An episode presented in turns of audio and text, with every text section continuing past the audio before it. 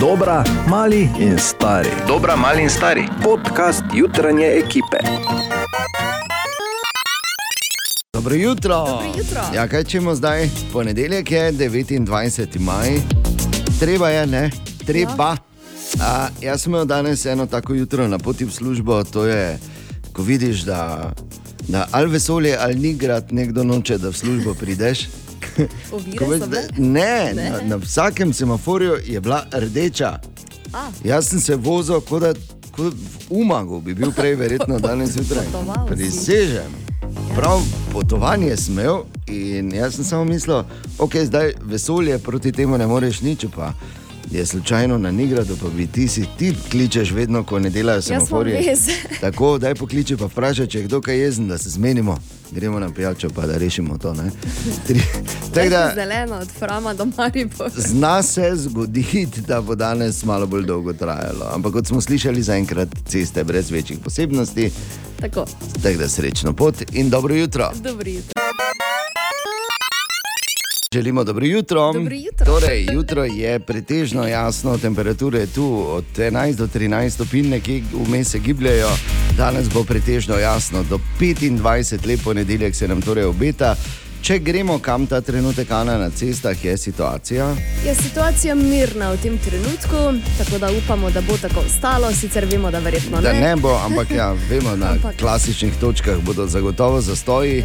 Ampak če si zdaj tam, greš relativno hitro mimo, tako da jej. Drugače pa vikend, a, moram povedati, kaki vikend, kaki roglič. Ja, Kaka, pua, kaka sobota, kaki kronometer na te višarje. Na te višarje, kjer se je zdelo, da je, ko so delali brege, je, so imeli igro, veš, Glej, zdaj pa ti najmanjši možni špicek, primi pa ga ful gor potegni. Ne, ne bo na široko, ne bo kar na špic, ker tam gor, tisti bregi in roglič, kak je to šlo, pa še ta ketna. Wow.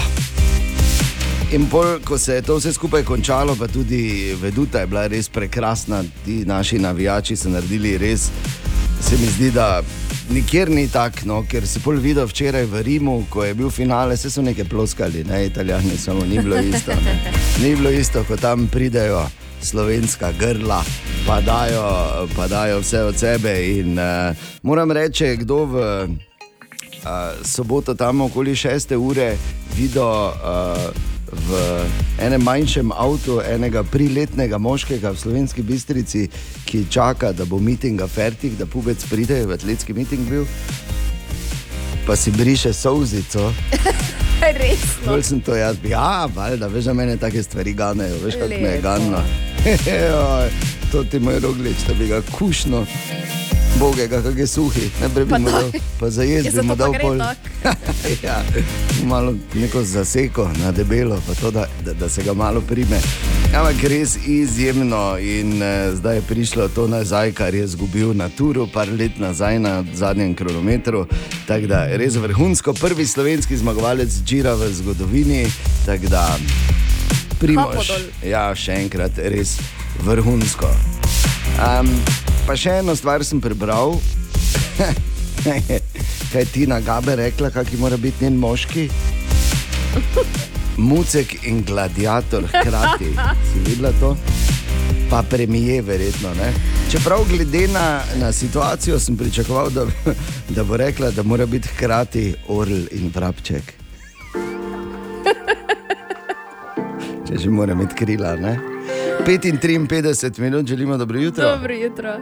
Oziroma horel in vrabček. Vrabček. Želimo dobro jutro. Dobro jutro.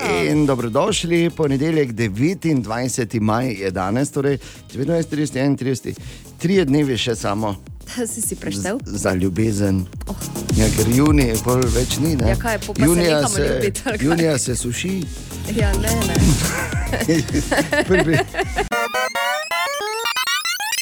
Želimo dobro jutro. Dobro jutro. Dobrodošli. In kot smo rekli, zunaj je pretežno jasno vreme, in danes bo tudi pretežno jasno, podrobneje sicer v novicah o pol, ampak še je fino, ko se pelješ zjutraj, mogoče še, še malo bolj zgodaj, kot je zdaj, in se pelješ čestito most, recimo v, v mesto in pogledaš levo. To je mene danes presenetilo, ker eh, roko na srce ne gledam toliko okoli, Ja. ker se le koncentriraš Saj ne zjutraj. da- skrajno levo in desno, ne. Tiste osnovne življenjske funkcije, pa blinker, da uporabljaš. Ja. Uh, ko se zgodaj pelješ, ampak ko se pelješ, pogledaš levo, pa vidiš, da je čevapov most že skoraj fertik.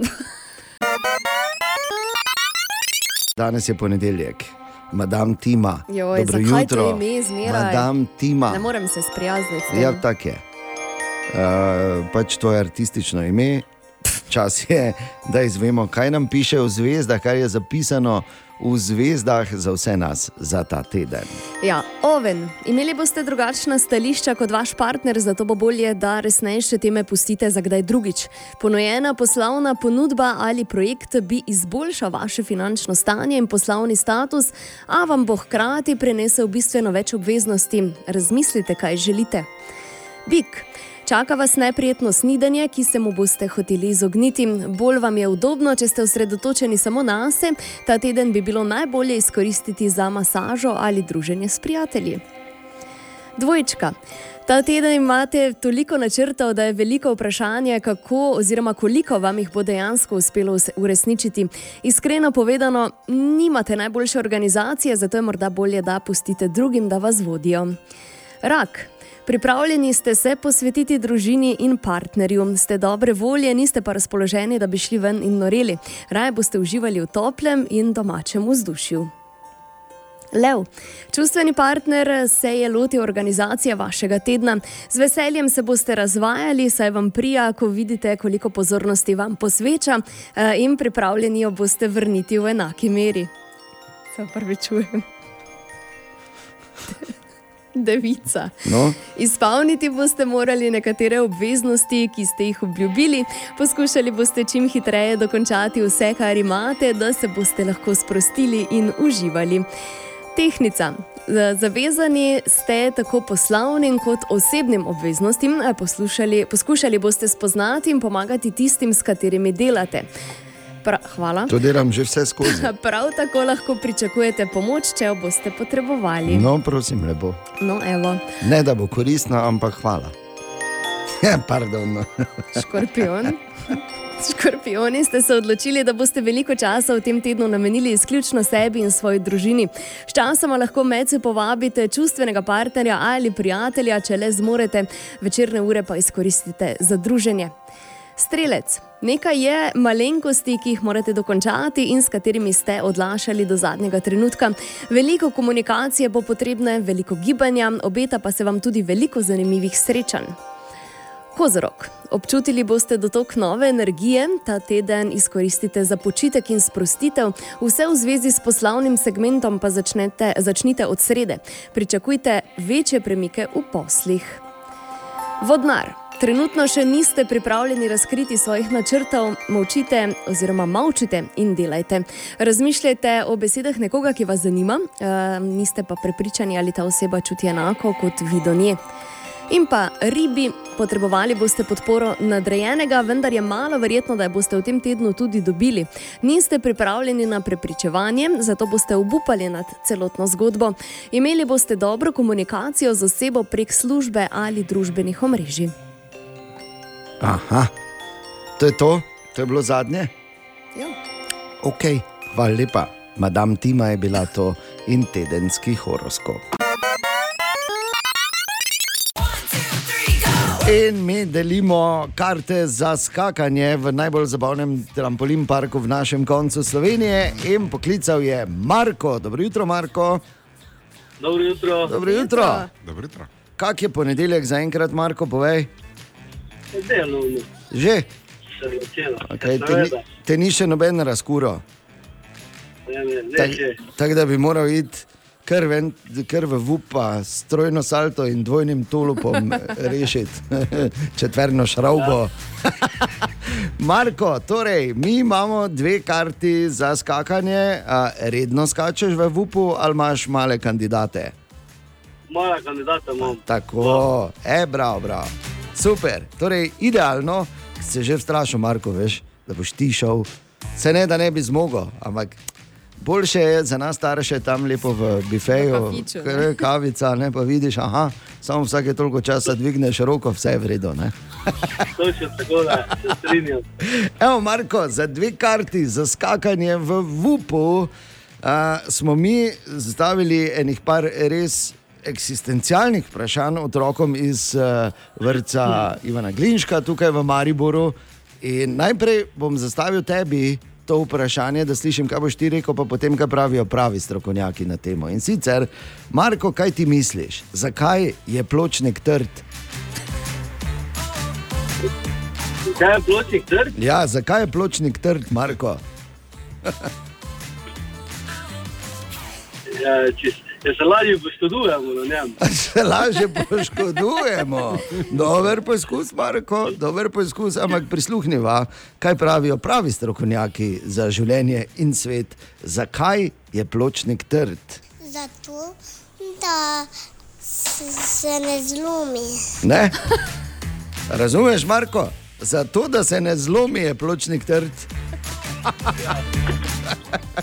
Okay, okay, glej, oba, oba odgovora sta bila izjemna, Marko, seveda, dve, dve karti za tvoja kandidata. Kako ima je ime za skakanje? Tijan in taj. Evo, O, lepo. tako, sliši se kot dva bodoča akrobata.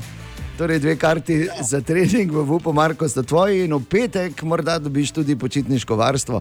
To bomo izžrebali med vsemi, ki, ki boste v tem tednu poklicali. E, Uspešen teden ti želimo, Marko, hvala, da si poklical. Okay. Hvala vam. Ja. Nekaj, drži se, Marko, in uh, skozi vse dan bo možnost, da pokličeš za upanje. Vup v Mariboru znižuje cene. Vstopnica za 60 minut skakanja odslej le še 12,50 evra. Svoj skok v poletje rezerviraj na vup.fan. Dobro jutro. Dobro jutro. Ti veš, kaj sem prebral zdaj na koncertu uh, moj, meni zelo ljubih Ramštajnov, je pevec Tilindeman v Jojo. Vilni v Litvi padel z odra. Je pozabil, da je ena luknja. Ja. Bog, gre veš.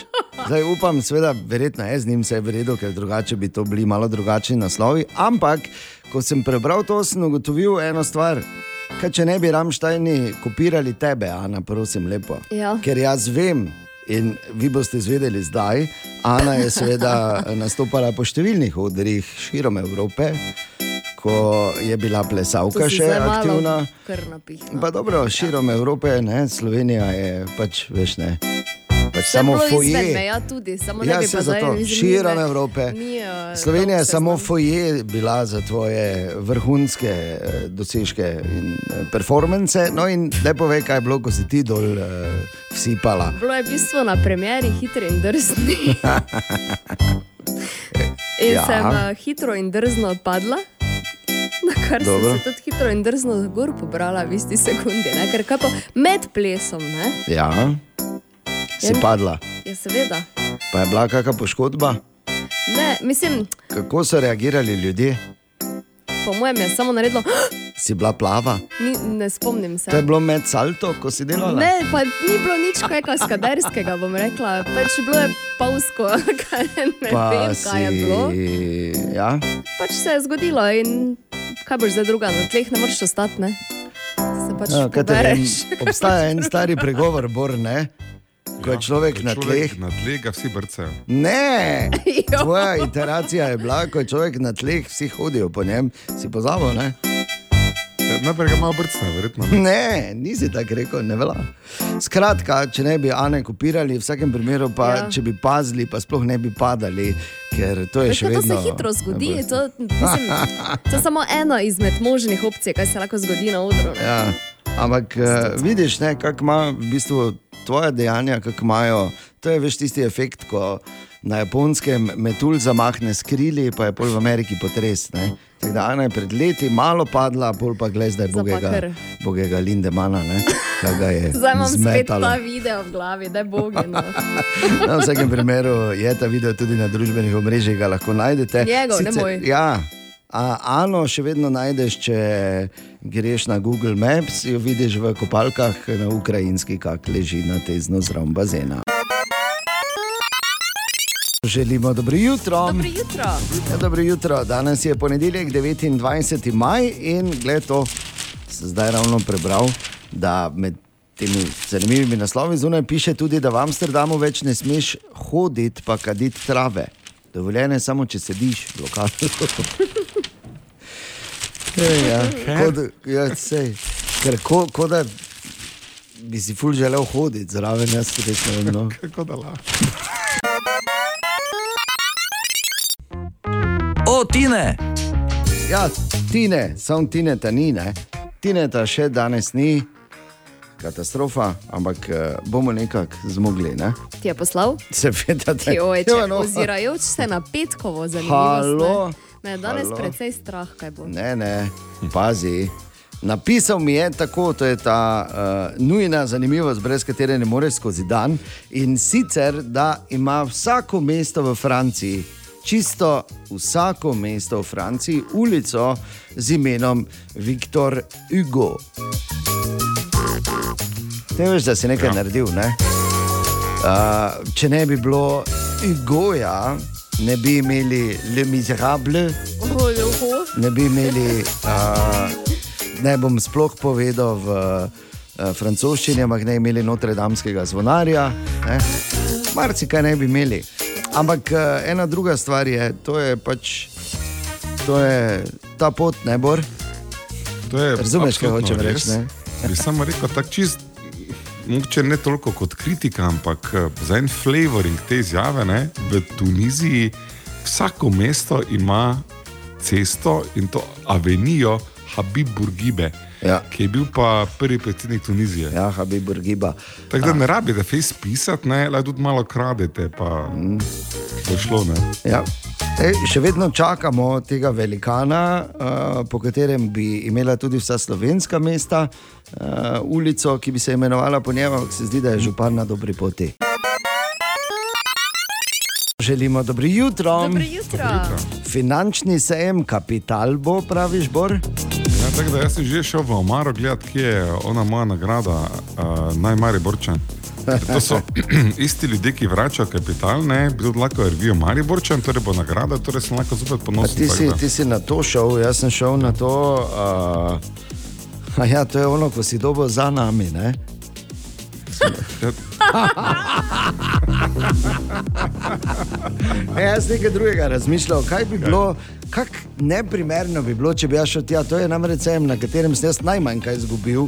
Pa, in se razmišljal, če bi, če bi bila planšarska konvencija, kjer bi se planšari dobili in bi debatirali o siru in kako se dela in kako ga je treba mučiti. Da je Bi potem pravi, počutil. bi, ja, bi imel več zapovedati kot tam res. In zdaj, ko je tako lepo, koga je že sparlo leto sonce, preverimo. hvala, Delovske rokave imam, dvakrat sem šel v majici čez mesto. Vidiš, vse. Ana, ti tudi že imaš Ne, ni, barvo. ja, pa, ampak ni zdaj. Ti imaš letos, zdravo eh, sem- barvo, ne? Letos sem res dobro prišla skozi. Ponavadi sem tam že marca. Imam, Dobro, letos tudi je bilo malo manj možnosti, Ja, čisto iskreno, glede na vreme, da te spari. Uh, tudi jaz že imam malo, bom rekel, moj Miki Mouse obarvan, ne na čelu gori, ker Pa pač enkrat Miki Mouse. Pač, kaj je smešno. Ne? Ampak, eh, seveda, zdaj je pametno se zaščititi. In veš, ko se na začetku sezone je to običajen problem, ne razmišljaš februarja Ne. ali pa marca, pa si svežo kremo za sončenje kupiš. Ne? Ampak, uh, zdaj se pa moramo namazati. Jo, imamo kremo, mislim, da še od lani. In zdaj, kaj veš, da, da še je krema ok. Ker um, tudi to je dokazano. Ne? Zdaj, tudi če piše gor, da je vem, potek od rok, kak mesec ali dva nazaj. Uh, je lahko še zadeva povsem uporabna, če ni bila hranjena, recimo ne vem, zunaj, ne, pa na dežju, na mrazu, na soncu, če je bila lepo v relativno hladnem in temnem prostoru hranjena. In tu pravijo strokovnjaki, se je treba zanesti na svoje čute. Se pravi, prvo, ko malo tako ven špricneš in pogledaš, Če ni kremasto, če je bolj vodeno, pa če pride najprej full vode, pa pol, Vrži stran. pa pol neki golobji drek ven, ne? O, ja vem, kako se to zgodi, fuj, kako je to ugodno. te tisto stran vrži. In drugi, če je to ok, je pa drugi in uh, uh, odločilen uh, preizkus z, z nosom. Povohaj, če diši ok, načeloma je ok, ker hitro, ko je pokvarjena krema, dobi tak kisel, ogaben, ne von, no tisto si ne mazati. Razen, ne vem, kak je, če deluje na komarje. Po moje ne. ne. Definitivno. Pa tretji Ultimativni test je, da ko si namažeš, pa te vse na spari polne dela. Ne? Ja, ali pa da dobiš uh, opekline v senci, ne? tudi ni ok. tako da- okay, tak da, to je to, ne? poglej, povohaj. Če je ok, je ok. Samo če ne pa- poskušati, Ja, ne, lizati pa ne, Ne, lizati. samo oči Bor si pa- slišal, ne Ja, lizati. ne bom, vse sem samo enkrat. Pa No, trajno. pa to ti pravim. Želimo dobro jutro. Dobro jutro. Torek 30. maj je danes in končno, končno moram reči, mi je uspelo. Tako dolgo sem se trudil, da bi prišel pred Ano, oziroma vsaj isti čas, da bi jo spet videl, kako ona to parkira, vrhunsko v svoj boksek. Ja, In danes mi je uspelo. Danes sem prišel pravi čas, eh, ampak spet ni bilo idealno, ker idealno je, da bi se za njo pripeljal, tako da sem Ja. šel pred njo. No.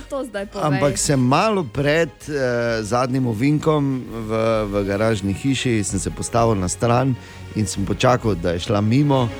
Tako pa še nadomestno vozilo imaš in uh, itak sploh nisem bila pripričana, če No, si vidiš, ti ali te je bilo ne, strah malo. Ne? Sem se kdo mi zdaj tako In- hitro vozi. In potem je uh, švignila mimo, sem jaz to obrnil, pa to je že polovičko opravila, ampak vseeno sem videl to vrhunsko manevriranje, to je zvenelo, vse sem posnel. Eh, daj. Ja. Ko je šla mimo, evo, vinek, Ja. en je tam stal, evo, to, to je bilo pa prvi rigverc, ja, rigverc, ne. Na koncu, noter pa vleru, lepo mi je. No, vsakem primeru, Ana, super, samo dvakrat si zmanevrirala. In naj samo povem, ko je ravno zaključevala in je videla, da sem jaz, sem videl, da ji gre na smeh in vse, kar sem dobil, pozdrav z roko, ki ni bil sicer najbolj prijazen. Ampak Ja. dobro. Torej, tako dolgo sem se trudil, danes mi je uspelo, pač sem vesel. Ah, mala veselja. No, Dob- vidiš, me veseli, je Tako. zgodaj že, ne? ti Ne. polepšam dan. Hvala ti. Dobro jutro. Dobro jutro. Morda pa samo še uh, za, za to, da bo malo lažje, ali v koloniji, ali pa karkoli že počneš, zjutraj načeloma tako zgodaj, tako nikoli ni lahko. Uh, en, en moment, ko smo uh, snemali tega, uh, to zadnjo resnico reporterja Milana, pa smo se uh, malo smo se vlovili vmes. veš. Seveda ste se. Pa kaj je baba s tabo super, zobe ima? Pa kaj si blesal, že zdaj ga zdaj, ko kličejo v šoli? Zva, če se holc pišemo, zdaj ga ne gledi.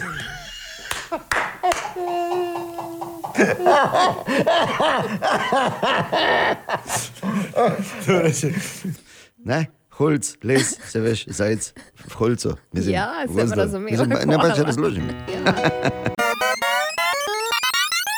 Želimo dobro jutro. Dobro jutro. Ja, so se pa stvari spremenile v 70-ih letih, odkar sta Edmund in Tenzing šla kot prva človeka na Mount Everest, prva, kar imamo zabeleženo. Ne? Mogoče so včasih tam prek skakali, pa ne vemo. Kar takne. Ja, ampak kako so se stvari spremenile? Včeraj je namreč bilo 70 let, kot je povedal Bor v novicah, od prvega vzpona. Takrat je pač pred 70 leti Edmund slišal klic gora, oziroma tam gledal, pa si mislil, kaj če bi mi tu gor šli. Pa enega tam našel, čuješ, kaj bi ti meni neso. In sta šla in jim je ratalo. 70 let kasneje pa recimo te pride ekspedicija na Mount Everest okoli 100 tisoč evrov. Res? Recimo to krabiš nara, tako 10 ur je samo zadovoljenje, da lahko greš gor. Pa še pol, če greš gor, moraš seveda trofiti vreme, eh, pa da ne zmrzneš, pa da te ne pobere nekje vmes, da te ne odnese plaz, da ne padeš v neko jamo. Pol pa prideš, pa naletiš. Na tako gužvo pod vrhom, to so te legendarne, fot- legendarne podnarekovaj fotografije, ko je taka gužva, veš, tako upokojenci napadajo odprtje nove trgovine. Tako da uh, to je zdaj, se pravi, vsa čas vsem, ki uh, pač greste, ampak je pa, je pa tudi res, da obstajajo boljše stvari, ne, kot je pohano doma. Pa bolj varno. je. Naravnem, ne. Tako ne, še, res je. VUP v Mariboru znižuje cene. Ja, in mi smo seveda zraven in želimo, da vas gre čim več skakati, oziroma da čim več jim omogočimo, da grejo skakati, ker vemo, načeloma je ta najboljši trampolin park v našem koncu Slovenije. Uh, bolj za pač še tiste sposobne, ne za priletne optimiste. Tako da ne dvigujejo brvi, bolj prosim, ne. ni, ni to več za nas. Ampak zato pa seveda imamo proste vstopnice eh, za, za skakanje in hkrati možnost, da v petek dobiš tudi eh, teden dni počitniškega varstva, kar je novost, ki jo seveda letos uvajajo. Ampak eh, zato, da bi Uh, dobil dve karti, je seveda treba odgovoriti na eno izjemno pomembno vprašanje in se svojim odgovorom uh, na nek način primerjati z pravimi strokovnjaki za svet in življenje. Tako je bilo recimo včeraj pri Frasu in Medvarju. Uroš, eh, ali si ti pripravljen na najtežje vprašanje na svetu?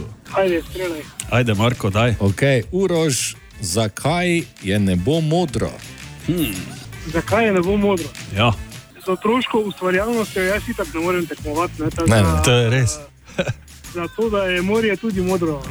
A, Okej. Vidiš, Dobro, super. Zelo otroški odgovor. Super odgovor. Bravo. Hvala. Uroš, prisluhni zdaj pravilnemu odgovoru in Da, ja. glasi se tako: prisluhni, zakaj je torej ne bo modro. Ker ga ni, dezuje. Tako, ker grmi in dežuje. Tako. Zato, evo, čestitke. Okay, kljub temu, da nisi pravilno odgovoril, Uroš, ne, ja. sta dve vstopnici za trampolin, park tvoji, tako da fajn Bravo. skakajte. Oziroma, tvoja dva, ne, si rekel, Ja. da imaš. Bomo. Hvala. Ja. Okay, Uroš, lepo bodi, adijo. Ja, naslednja priložnost pa bo že čez slabo uro, oziroma čez 3 četrt ure, nekje ob 8 na nič 2, 290, 90, 90, če se seveda želiš pomeriti. Ne? Ni to lahko. Ni lahko, ker pravim strokovnjaki za svet in življenje in vse imajo res same prave odgovore. Ampak eh, dve vstopnici za, za trampolin park sta pripravljeni in pa ne pozabi. Pri poletnih počitnicah v UPO velja tudi posebna ponudba do 15. junija, takrat vsak otrok v tem času prejme še darilni bon v višini 30 evrov za praznovanje rojstnega dne. Kaj bo nehali daj. dajati ti? Kaj bo nehali davati? Ko se lahko prijavim, VUP-u? jaz bi imela rojsten dan tam. Daj, no. Ne, rojstni dnevi starih in deklišči ne odpadajo. VUP v Mariboru znižuje cene. Vstopnica za 60 minut skakanja odslej le še 12,50 evra. Svoj skok v poletje rezerviraj na vup.fan. Seveda želimo dobro jutro. Dobro jutro. Če se razmišlja eno stvar, Bor, ko smo se pogovarjali takrat, ko so bile županske volitve, ne, da, je, da je bil prenisko zastavljen cilj. Bi morali štart, štartati na Evropski parlament, veš. Samo res, ja. Vedem, zakaj sploh tu Evropski parlament lepo, še bi bilo fajn, ko bi nam uh, vafle pa čokolado nosil. Ko bi nas Jaz Ja. govorim vsaj nekaj jezikov, ne, tako da to bi bil Pa se plus. za to vsaj Kaj nekaj. pa, če kar skočimo direktno? Prosti no, lahko svojega funkcija. govoriš, veš, ker imajo tolmače. Pa pol drugače. tam tako si ti dva, tri dni, oziroma eh, dva, tri dni, dva, tri mesece, pa že Ursula, pa že ho, pa že gledamo, ki jo lahko firclamo. ne. Ja, ampak če za res Evropski parlament ima en zanimiv projekt in kje zdaj tu v to zgodbo pride Mariborska srednja zdravstvena in kozmetična šola. Tanja Klajnščak. V projektu, ki ga razpisuje Evropski parlament in poteka v številnih državah Evropske unije, sodeluje 80 srednjih šol. Ključna splošna cilja sta oblikovanje kritične evropske zavesti ter spodbujanje aktivne udeležbe mladih v skupnosti. Poskušamo te institucije predstaviti na način, da je dijakom zanimiv, pomeni, ne govorimo, kaj je Evropski parlament, kaj je to zdaj z Evropsko sodišče, ampak poskušamo dijakom predstaviti, kje so sedeži, kakšno vlogo imajo. Ampak nekako najbolj pa je pomembna aktivnost priprava dogodkov. V šoli vedno predstavimo kotiček z našimi dejavnostmi. Dogodek ob dnevu Evrope je nekako ključen in zaključen. Tako razlaga mentorica na srednji zdravstveni in kozmetični šoli Maribor Liljana Petelin. Projekt je tekmovalne narave, dijaki s svojimi mentori skozi celotno leto zbirajo točke preko različnih dejavnosti, ki jih opravljajo. Na Mariborski srednji zdravstveni in kozmetični šoli so v sedmih letih kar trikrat zmagali, optimistični pa so tudi letos in pa bolj kot uvrstitev več pomeni sodelovanje v projektu, razlaga dijakinja Tamara Dvoršak. Kar je meni najljubše, da tu širiš svoje obzorja. To ni neka omejena stvar, tukaj spoznavaš nove ljudi, pridobivaš nove izkušnje. Da je to nekaj takega, česar ne doživiš vsak dan in je to ena čudovita stopnica tudi naprej za življenje. Tako da res nam projekt ogromno da. Mentorica Peterinova se lahko pohvali z nagrado najmentorica, kar je uspeh tako za dijake, njo in seveda tudi šolo, pa pravi ravnateljica Katja Rik. Moram reči, da sem zelo ponosna na tale naš projekt, na dijake, ki sodelujejo in predvsem na mentorico, ki jih zna na ta način motivirati, da jim ni problem ostati tudi pozno večer na šoli in urejati zadeve za projekte, ki jih izvajajo. 20. junija bodo v Ljubljani razglasili rezultate, izbrali 8 najboljših šol izmed 80 sodelujočih, zmagovalci pa v naslednjem šolskem letu odpotujejo na obisk in enodnevno simulacijo Evropskega parlamenta v Štrasburu. Šola s uspešno izvedbo tako prejme enoletni častni naziv Šola ambasadorka Evropskega parlamenta. Ja, bravo, srednja zdravstvena in kozmetična šola Maribor. O, Tine! Ja, Ferdi Klušno, ne? dobro jutro. Ja, good morning. Dobro jutro. Dobro jutro. Friša aus Deutschland. Friša aus Deutschland. Tako. Ja, le. Ja, no, In? lepo, ja, lepo. lepo. povedal, kako je bilo ali kaj? Ne, ker mi je kazal videe Jaz in me pa dražo in je o, ogabno. Ja, Ogabno je. je, ko pač eni grejo, pa veš, vse vrejo. Nič za to. Vse prav. Nič ja, ti kar to. hodi na koncerte metalike. Dva sta bila. Ja, še to. Ker je v dveh delih, v petek Hvala pa ti. v nedeljo. Ja, hvala ti res. Pa oba sta bila Super. dve Ampak- uri pa pol skoraj. Vrhunsko, ne? Tako sem rekel, eh, res da niso najmlajši, ne? znajo pa ne. Kdo pa je, bom samo rekel. Ja. Dobro. Proti njim smo tudi mi dva. Ja, res je. Še mladinca v bistvu. Ne? Ampak to se pa moraš pričakovati, ker niste šli ravno na Luisa Capaldija. ne. ja. Okay. Ne, vre je bilo drugače tudi, da še malo naredim eh, reklame Hamburgu. eh, Ja. Če kdaj iščete kakšno destinacijo za ne vem, vikend izlet ali kaj, res lahko Hamburg samo priporočam, ker je totalno kul, cool, pa, pa lepo mesto. Tako da, Tako. Pa vre je. Pa HSV meni, da pride nazaj v Bundesligo, ki jo je spet dobil Bayern po, po neki vidva? igri. Ne? Glej. Deutschland sponsor, zdaj, ali kaj je to? Ja, eh, nemška turistična organizacija Ja. je Ja, sponzorirala. eh, HSV v bistvu je že bil z eno nogo nazaj, not, ker Ja. ja. bi oni drugi mogli ne zmagati, pa so v 101 minuti dali Gol, gol, pa, ja. tako da zdaj igrajo še kvalifikacije Kvalifikacije. za prvo ligo. Eh, Bila pa, je tudi, eh, bila, pa, bila pa je tudi v soboto tekma, samo to nismo šli, eh, Sant Pauli. Aha, eh, ki je tisti Karlsruhe. kultni hamburški klub, kultni ja. hamburški klub. ne. Mm. Vse je bilo na kupu, pa binkošti so bili, pa vse. Lepo. Lav, zdaj gremo dalje, prosim, lepo, ali nam bo še riba. živčno grabi Ja, te seveda, če mi riba, na- to bo obraz, odkar je prišel nazaj. Kaj imaš dan za eno bo riba, je obraz, prosim. Ja, ne Ogabno, bo brati. ogabno. Torej, eh, ne vem, če ste vedeli, ampak raziskava je pokazala, da moški, ki nosijo boksarce, kaj nosiš ti? Boksarc ne, ker mi gre na živce, ker mi pleza. Tako, jaz tudi ne. Če kaj to je kaj, kaj? Bor vem, da ima To so boksarce. široke mišljene. Jaz imam boksarce. Ti imaš Kaj pa tiste- so oske?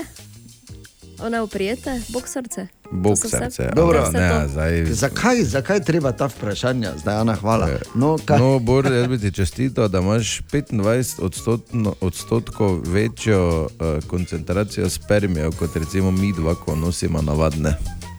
Ne vem, če to meni še pomaga, veš? Tako da, uh, sicer smo, koliko bi jaz upal trditi, vsi trije svoje naredili, razen pač Bor, če bo še kaj presenetil, jaz ne vem. Ja, no, ne veš, Tako da jaz zaenkrat ne čutim nekega pomankanja. Ne. Boksar pa zagotovo ne nosil, ker. Še dobro, da zdaj vem, kakšne se gate ne. nosite vsi trije. Res, Se ne vem, kaj je Samo hujše. To še mi je manjkalo. Ne vem, kaj je zdaj hujše, da poslušam, kak je nekdo na metaliki brez mene ali da se v gatah menimo, pa se to ne more verjeti. Vse je šlo na robe tine.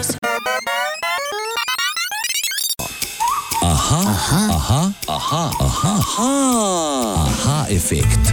Vito sprašuje, kako to, da kompas vedno kaže na sever. Vito magnetna igla v kompasu ima magnetne lastnosti, torej odziva se na magnetno polje Zemlje. In uh, poravna se vedno s severnim polom, magnetni severni pol je bližje geografskemu južnemu polu, obrne se proti geografskemu severnemu polu. Torej, to pomeni, da je magnetna igla kompasa vedno poravnana v smeri magnetnega severa. Zdaj kompas lahko malo odstopa od popolne smeri zaradi vpliva drugih magnetnih polij ali pa električnih naprav, okoljskih dejavnikov, kovinski predmeti tudi v bistvu v gozdu dosti boljše dela kot v mestu. Ne. Zdaj, uh, če ste se kdaj izgubili, potem veste, kako dragocen je kompas, če ne pa vemo, kaj ostane. Ne? Mah na deblih. Ki je vedno na severu. Ja. Samo jaz sem videl debla, ki so cela v mahu. In pol, kje imaš, pol imaš problem. Ja. Uporabiš kompas, ne? Ja. V vsakem primeru, če te eh, sreča medved in se zažene, mah na deblu, pa na katero smer neba je usmerjen, ne igra nobene vloge. Ali tudi vi pogosto tavate v temi? Aha efekt, da boste vedeli več. VUP v Mariboru znižuje cene. In mi delimo proste vstopnice za skakanje, in v petek bomo nekomu dali tudi eh, počitniško varstvo v VUP-u in na nič 2, 290, 90, 90. Tanja, dobro jutro. Dobro jutro. Kak je Tanja? Jutro. Ja, super, super. Pa to račujem. Upam samo, da nisi Ja, bila ja. danes zjutraj v tisti gužvi, ki je še vedno, uh, zdaj že mislim, da od Rogoze gor proti Šentilju. Ne, nisem, okay. nisem. Pametno. nisem. Pametno. Okay, Tanja, imamo kandidate za skakanje? absolutno, Okej. absolutno. In to dva. Ja, lepo. Se že strašil, veš, da boš rekla enega, pa jaz grem zraven. To so A ja, običajno taki, se- taki ekstremni športi in podvigi, se veš, moramo malo biti realni. Super. Tako, evo, super, Tanja. Tak, da zdaj pa sledi vprašanje, pa da slišimo, kaj boš ti povedala, preden razložijo uh, pravi strokovnjaki za svet in življenje, tako kot je. Tanja, povej ti meni, za dve karti za skakanje v Vupu, zakaj je limona kisla? O, Zakaj je limona kisla? Ja, zakaj je limona kisla? Hmm, Dobro vprašanje. Je, ne? Karkoli lahko rečeš, Ja. se veš, da tu ni prav, pa narobe. Ne? Gre samo kdo ima bolj prav. Kdo ima bolj prav, ne? Ja, To- bolj prav imajo ker ima otroci. dosti Vitaminov v sebi. Dosti vitaminov.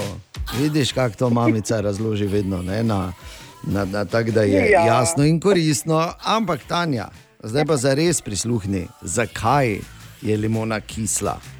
Ker takšni premočni vonje. Ja, ker ima premočni von. Aha. Zato je kisla. Kak vonj. nisi vedela tega, Tanja? A, Ne spremeni dejstva, da sta dve karti za skakanje tvoji in uh, morda v petek. Ja, ni problema, z veseljem, morda v petek tudi uh, še počitniško varstvo. V vsakem primeru pa moraš vedeti, da v VUP-u, če greš. Eh, Tudi drugače, do 15. junija dobi vsak otrok, ki pride skakati, tudi bon za praznovanje rojstnega dne v vrednosti 30 evrov. Ni hec, ne? Odlično. Tanja, Super, lep dan ti super. želimo, hvala, da si poklicala. Ja, hvala. Dio. Hvala, srečno. VUP v Mariboru znižuje cene. Vstopnica za 60 minut skakanja odslej le še 12,50 evra. Svoj skok v poletje rezerviraj na vup.fan. in odprtih oči skozi naše mesto je spečal Jaša Lorenčič. Zdravo. Servus. Če kaj pa je v našem mestu dobro biti pozoren, ker sicer je lahko čisto lepa in sončna nedelja in lep hec na šalteru na tankšteli. Fejs možakar se je na pobrežju Fejs navdušil nad prodajalko in je šla debata sem in tja. Vinjeto bi, to mi da, ja, ja. Za kdaj pa rabite, za danes? Ne za zdaj, za takoj, veš kako gužvo imam. Takšen tip debate, se si lahko mislite. Ampak hudič je pač v podrobnostih in predvsej mariborsko je, da se za nekaj zapališ, pol pa ugotoviš, da si, no, že na drsnih vratih pa se ustaviš kot tam žakar. Jo, pa ne avstrijsko, slovensko, vinjeto rabim, to mi daj. Nekaj podobnega se lahko zgodi v obični mali trgovini nam, malo mlajši generaciji, ki je pač vajena, da ima vse vsaj napis, če že ne kar QR kodo.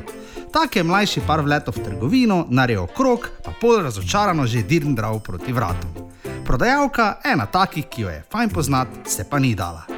Kaj nista najdla? Pa nič, nija veze. Še mari borčani sicer nismo taki, da bi v običnem marketu rekli nič, nič, samo gledamo.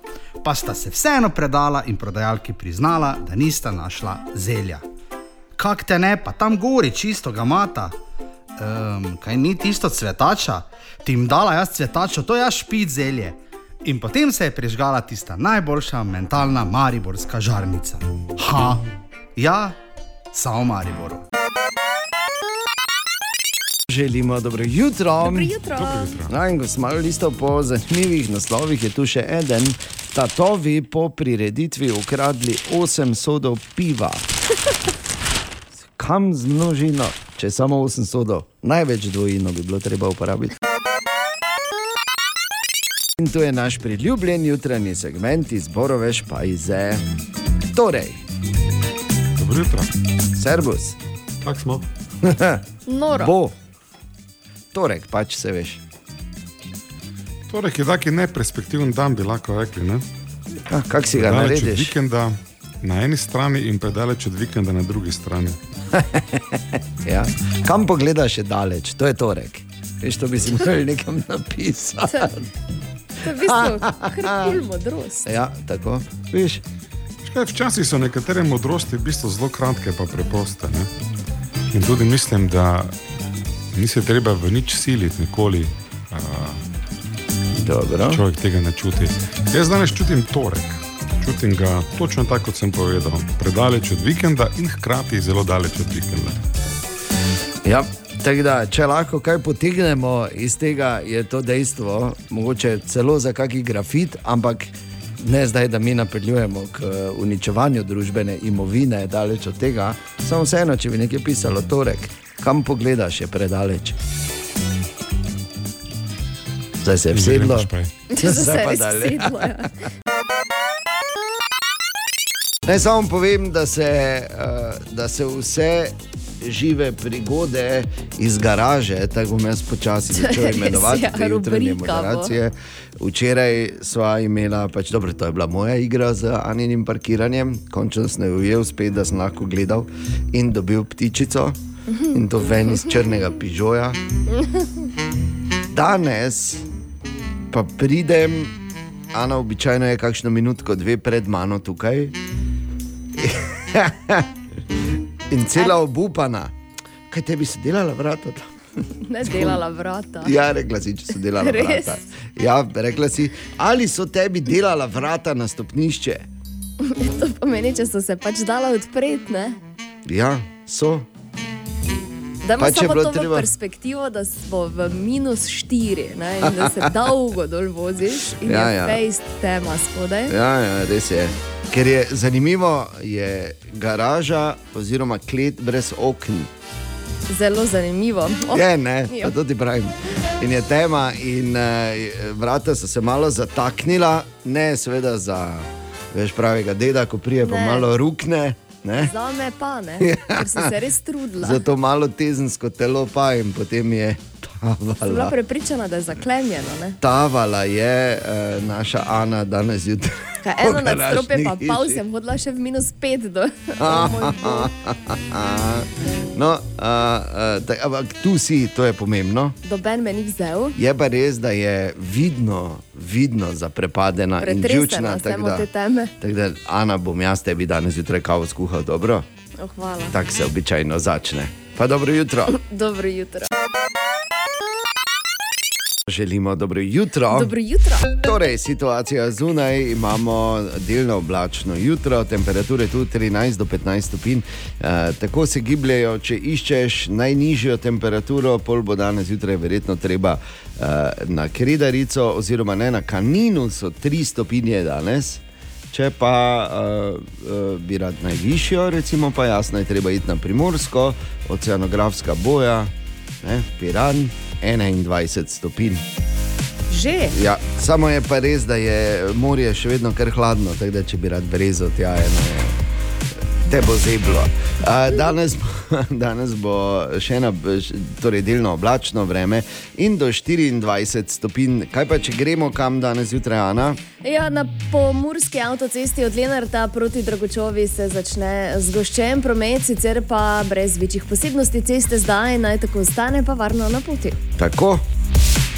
Varno na poti, kamorkoli že greš, bi pa samo rekel, da včasih, veš, nekatere šale postanejo, mislim, grejo malo predaleč. Ne? Sledi zgodba, kaj se je zgodilo včeraj. Marsikatera, ja. Ja, ampak nas ker to je tako lušna, ne? mislim, lušna, odvisno, ne? ampak se veš, ne? vsaka šala mora imeti tarčo, drugače ni šala. In um, mi še vedno tu pa tam kakšen paket naročimo, čeprav več ni korona. Ja. In mi pol eh, včeraj žena razlaga, kako je šla, po- ker je bila doma in uh, je šla dvigniti paket. In je rekel, ni poštar. Aha, oh, no, končno ste vi, običajno gospod pride. ne." Znova tudi poštar, kaj je, kaj je, kaj je. Rekel ne, tako da zdaj vem, kak, ne, pa za koga pa to. Po pa je tako, ko je dajo paket, pa je rekel, kaj lahko nekaj vprašam. Pa je rekla, ja. Kaj vi ste večji od vašega gospoda? In je bilo tako, ha, ha, ha. In pol je, Res je to. ja, in pol je cel dan vsem to razlagala, kdo je prišel, haha, ki je smešno. Ja, ful je smešno. Sploh zato, ker je poštar verjetno za pol glave manjši od mene. Ne? Ma nekaj sprašuje. Ampak ključna zgodba. Um, in ne, ni, dokler si ne da pet gor. Pol pa je. Želimo dobro jutro. Dobro jutro. Ja, dobro jutro. Danes je sreda, 31. zadnji maj in eh, veš, živemo človeku se vse zgodi. Ne? O ja. In zato ima ta fras in medvar dobro rubriko, ki se ji reče. Ah, ko se mi pa to zgodi. Ja, s tem, da ni tako lepo. Ne? Ko greš zjutraj, to zdaj, mislim, bom rekel tako, opisujem zgodbo neimenovane radijske moderatorke. Ko gre zjutraj v službi do hladilnika, vidi, da, je, da ima noče en kos sira, ki se je spremenil v tonalit. Ja. In se odloči, da bo v stran vrgla, in je koš, in odpre, in odvrže, in samo skozi pade. Ker ni bilo vrečke.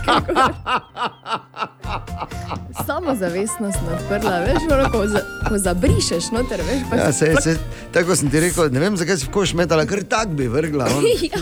Kaj je, bum. Ah, ja, ko se mi pa to zgodi.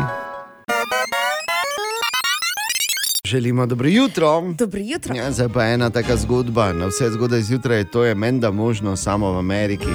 Nisem mogel verjeti, ko sem to prebral. Ampak že naslov je bil kar spektakularen. Jezna mačka terorizira ameriško mesto, dva občana pristala pri zdravniku. Joj. Ja. In potem sem šel raziskovati, to mesto je Luraville na Floridi in ta mačka ni puma, recimo, ne. Čakaj, Ali pa domača tiger, mačka. domača mačka. Kaj? In v zadnjem tednu je, kot so zapisali, agresivna, agresivna žival že huje napadla dve osebi, ki sta zaradi ran iskali pomoč na urgenci. To je hec? Ne, ni hec, to je čisto Oh, za res. Celo tako daleč gre, da ko govorijo o tej mački naprej, jo naslavljajo z napadalno zverjo in podobnimi izrazi. Slišal Pa, dobro, pa kdo te živi v tem mestu, pa, hoj, pa halo, če je mačka. Mislim, naj si pogledajo eno ali pa dve tekmi, ko brani naša žbe jug, veš, ko prime žogo, ne? Ja. ko, jo, ko jo napali, ful naprej gor. Ne? In naj ta gib samo vadijo. Mislim, če že imajo taki problem s tem. Ja, ja, si predstavljaš, da bi tvoj uh, Tyson, Ja, sej on je kar, on, On on je leti za pa napadalen. te v tetivo. Grizne Res? Zadaj, ja. ja, samo tvoj Tyson je bolj širok kot dolg, ne tako da v principu. na svoje kile. Ja, samo na kako razdaljo. No, tako ni. Ja. On je agil na 7 metrov, ne? Ja. pol pa več ne. ne? ampak, ok, mislim, ko že ravno misliš, da si slišal ali pa videl vse, ne? No, ne tja hoditi. bo, ne. bo pa prije ta zgodba eh, iz Amerike. Mislim, tudi če greste tja, ne se bat. Se veš, kaj se boš bal. Mucik se pa od nekdaj nismo bali tu ne, v našem mestu. Ja, Redne smo sploh imeli radi. Želimo dobro jutro. Dobro jutro.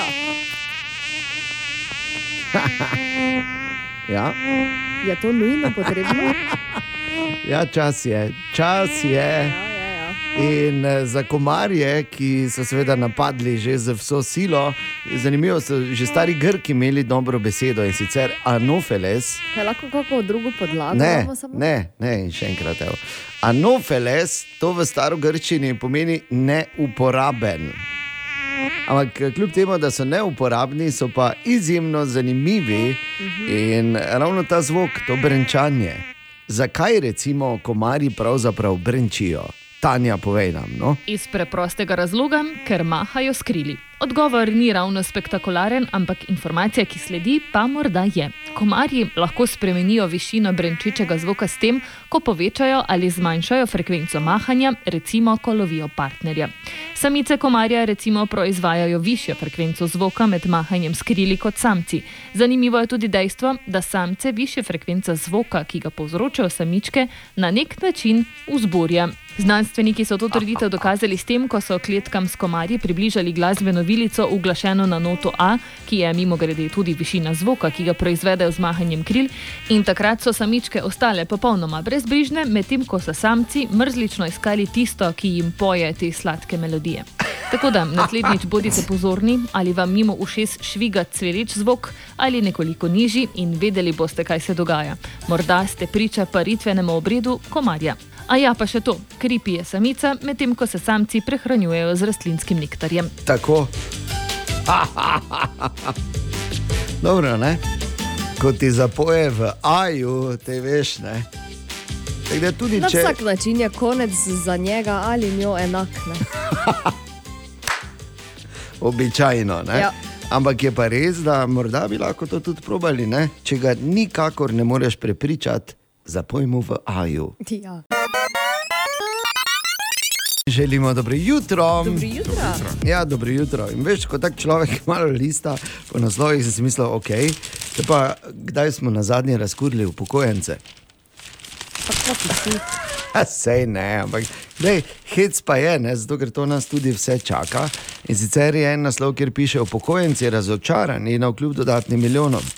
So mislili, da tako ko so bili v službi, tako so v penziji. Za nas pa malo glasbe. Ok, ok. Želimo dobro jutro. Dobro jutro. No, evo.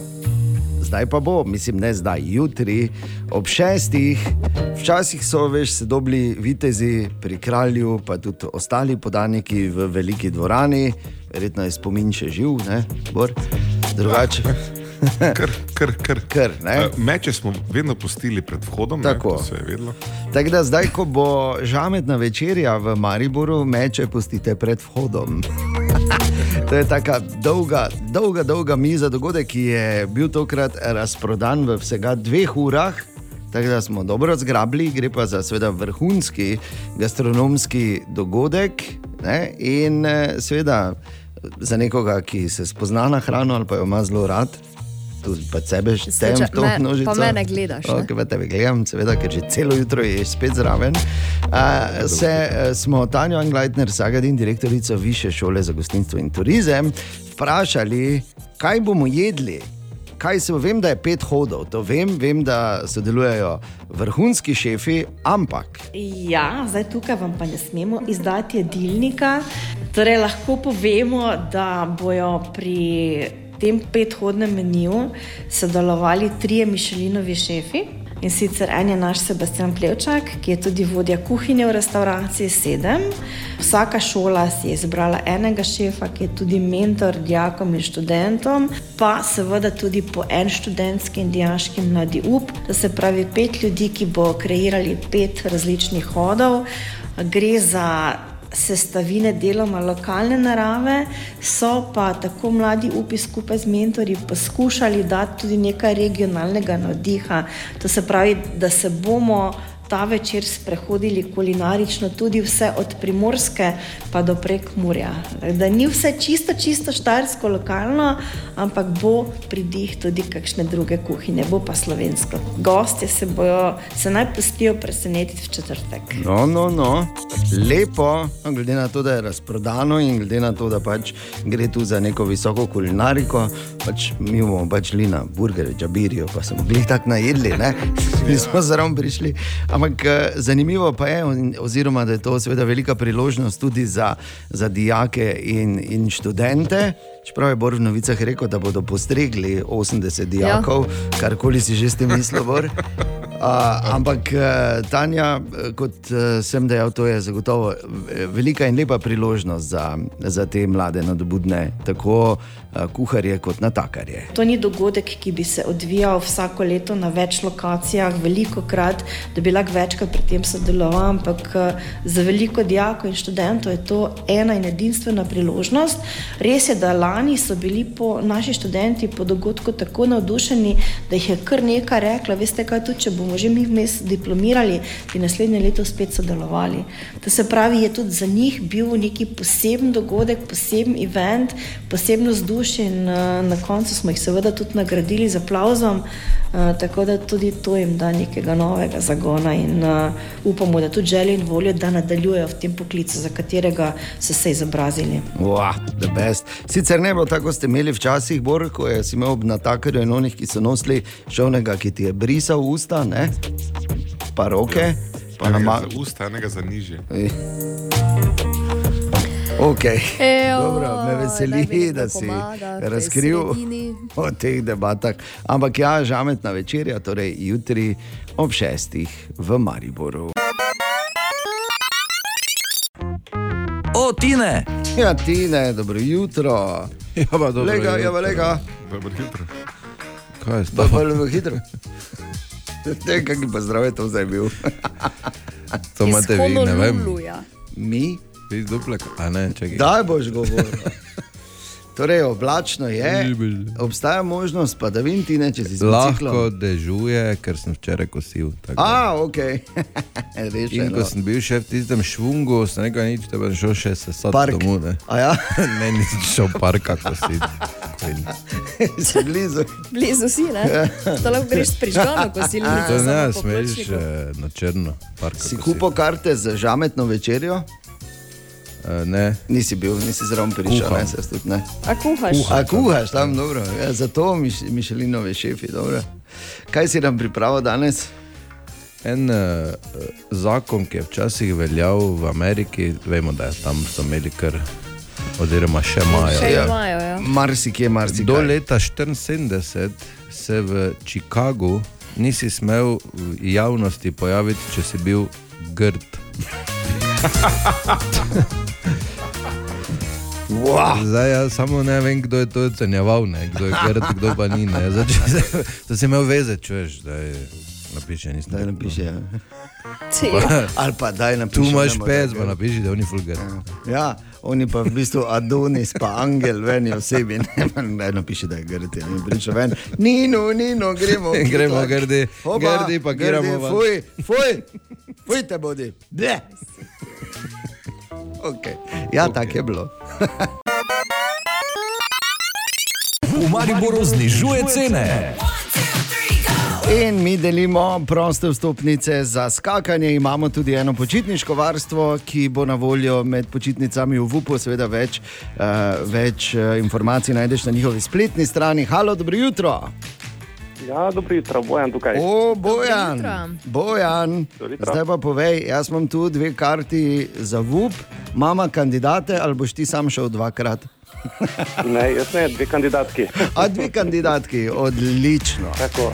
Odlično, ampak bojem se veš, čakate težka naloga kot običajno. Mimo grede, tudi če greš drugače za svojima kandidatkama, kaj skakati, moraš vedeti, da imajo zdaj eno posebno ponudbo v UPU do 15. junija. Vsak otrok v tem času prejme še darilni bon v višini 30 evrov za praznovanje rojstnega dne tam, ne? kar je tudi posebne sorte doživetje. Ampak nič primerjavi s tem, kaj te čaka zdaj. Te je strah, kaj vprašanja? Zelo. Ker bomo poslušali tvoj odgovor in potem, seveda, kaj pravijo pravi strokovnjaki za svet in življenje. Tako da, Bojan, vprašanje za te ja. danes je, zakaj rabimo elektriko? A? Da gledamo televizijo. Da gledamo televizijo, zelo zanimivo. No, kaj pa pravijo, nam poslušaj zdaj, zakaj rabimo elektriko? Rabimo, da, da če se kaj, če kaj se preveč gledamo posnetkov in risank, se spali, zato rabim atletiko. Tako, zato rabimo atletiko, atletiko. da gledamo posnetke in risanke. Bojan, zelo blizu si bil. Tako, tako. Vidim, da neguješ otroka v sebi, super. Samo otrok, otrok znotraj ali pa otrok tudi na vzven je drugače. Ne? Otrok na vzven bo šel, pa ne bo kaj ekstra zmatran po eni uri skakanja v vupu, tisti, ki pa nosijo otroka notri, pa bo verjetno šel na menjavo kolka. Ne, Bojan, dve- bolniško, Ja, ali pa bolniško. Tako. Dve, uh, dve vstopnici za skakanje sta tvoji, za tvoji dve uh, mali junakini. Lepo jo pozdravi v imenu vseh nas tukaj na radiju. Veselo skakanje ti želimo. Hvala lepa, pa lepo zdrav tudi vam. Enako, Enako. lep dan, Bojan, in nova možnost bo ponovno po deseti. VUP v Mariboru znižuje cene.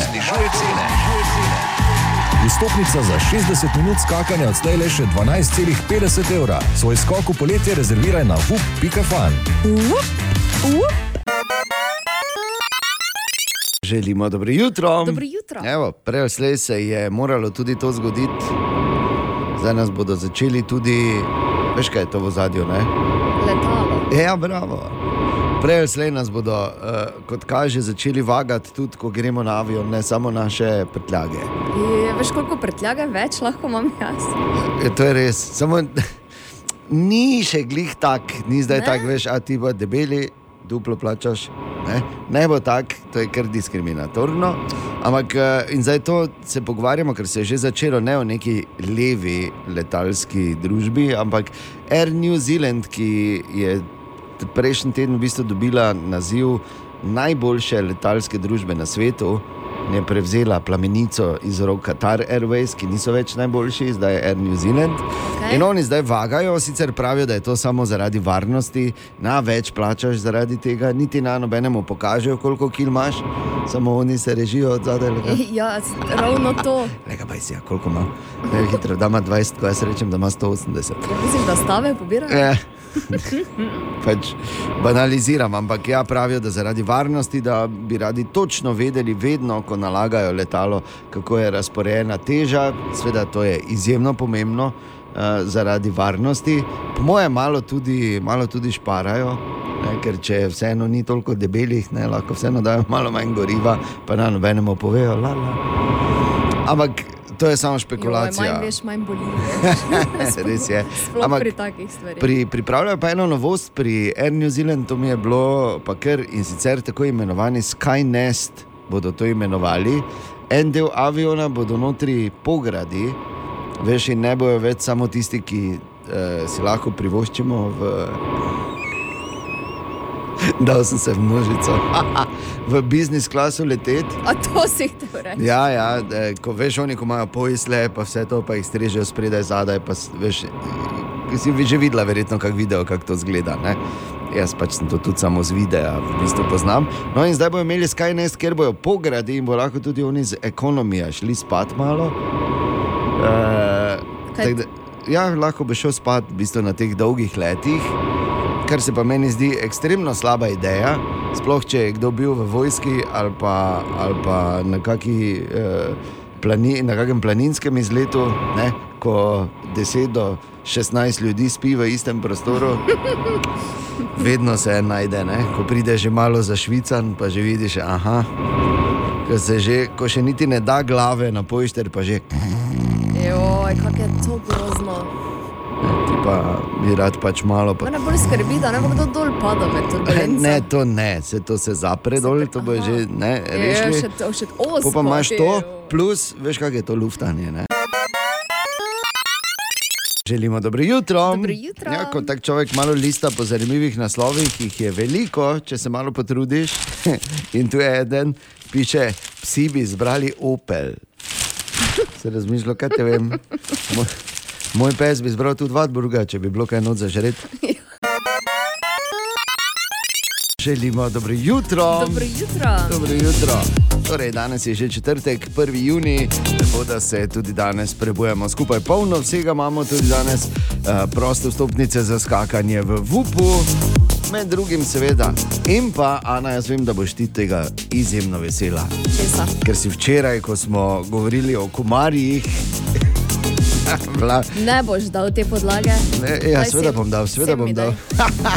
ne samo povem, da je danes prva debata, ki je bila zjutraj ob tem, kako bi lahko boljše parkirala, pa pustimo to. Uh, joj, le, le kam je komar, le kam je komar. Kaj me, komar piča? Ja, Na glej. mesto, kjer imam pase kot sandala. Točno in da se to. mi tako fajn riba cel Ja, čas. ja, ja. Da se celi, celi čas se praska. Ampak kaj češ, to pač je, ne, tudi lastovička mora kaj pojesti. Ampak. Še na to temo v nadaljevanju. Dobro jutro še enkrat. Dobro jutro.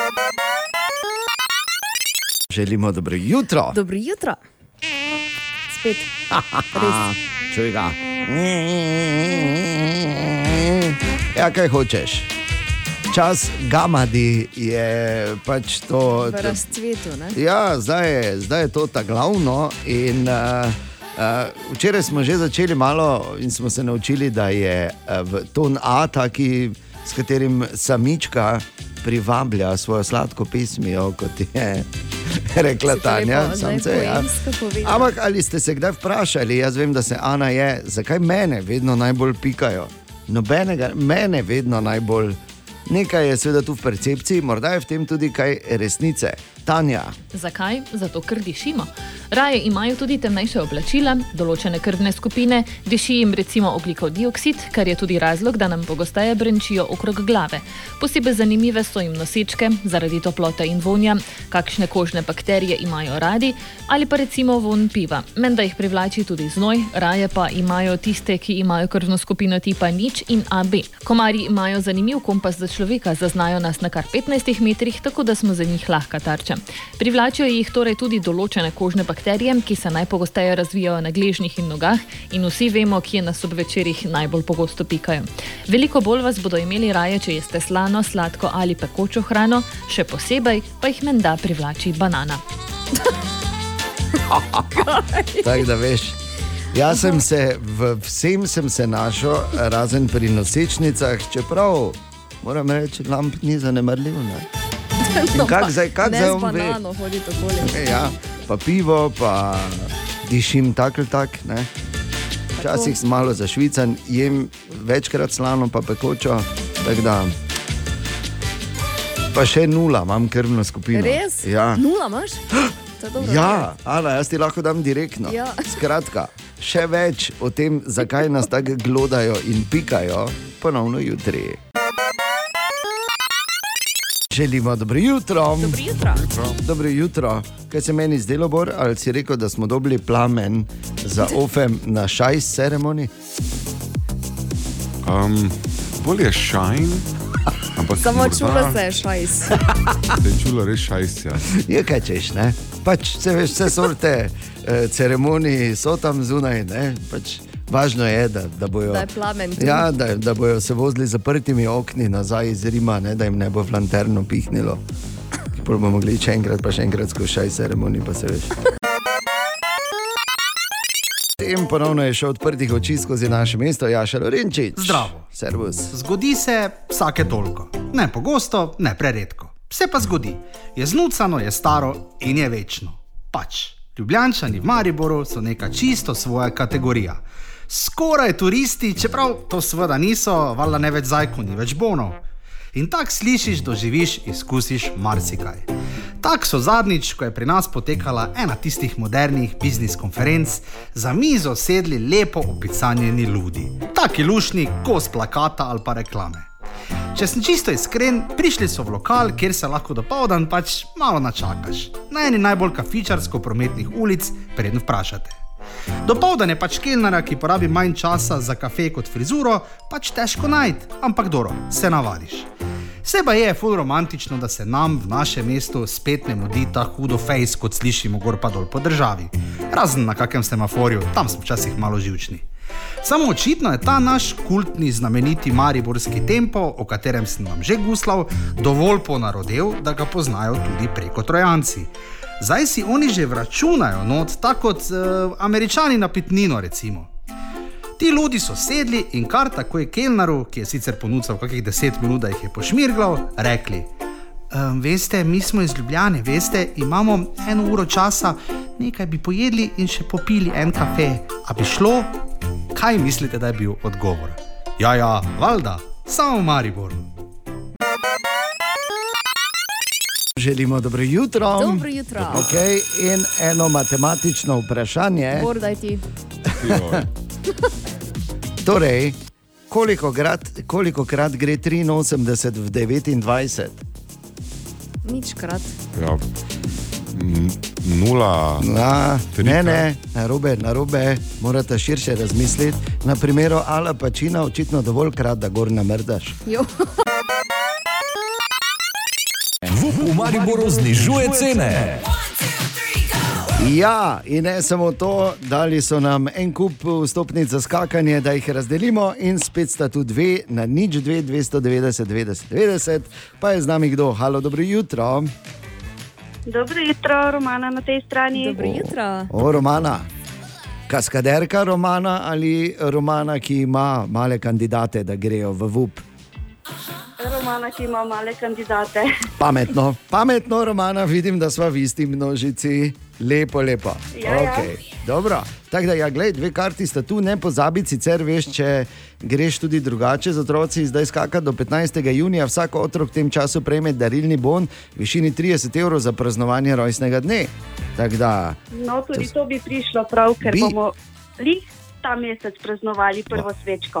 kaj, prvo! Ja, ja. E, ja, kako lušno. Veš, mi, ko imamo malo starejše, ko slišiš nekoga, ko ima male otroke, si misliš. Ah, Ja, dobro, vse to so že vnuki. A ja, vnuki, ojoj, a celo, ah, pa pa si ti izkušena, romana, ne? tako ne bi zdaj kazal, še enkrat več smo v isti množici. ok, romana, pazi, dobiš eno vprašanje. Uh, Zanimal nas bo seveda tvoj odgovor, ampak pol bomo pa slišali tudi, eh, kaj o tem menijo pravi strokovnjaki za svet in življenje, to so otroci. Ampak, Romana, mene zdaj zanima, kaj praviš ti, zakaj piha veter? Hm? Dobro, moja vnukica bi mogoče rekla, da odpihne regradove lučke. A bravo. lepo. Kaj pa bi ti rekla?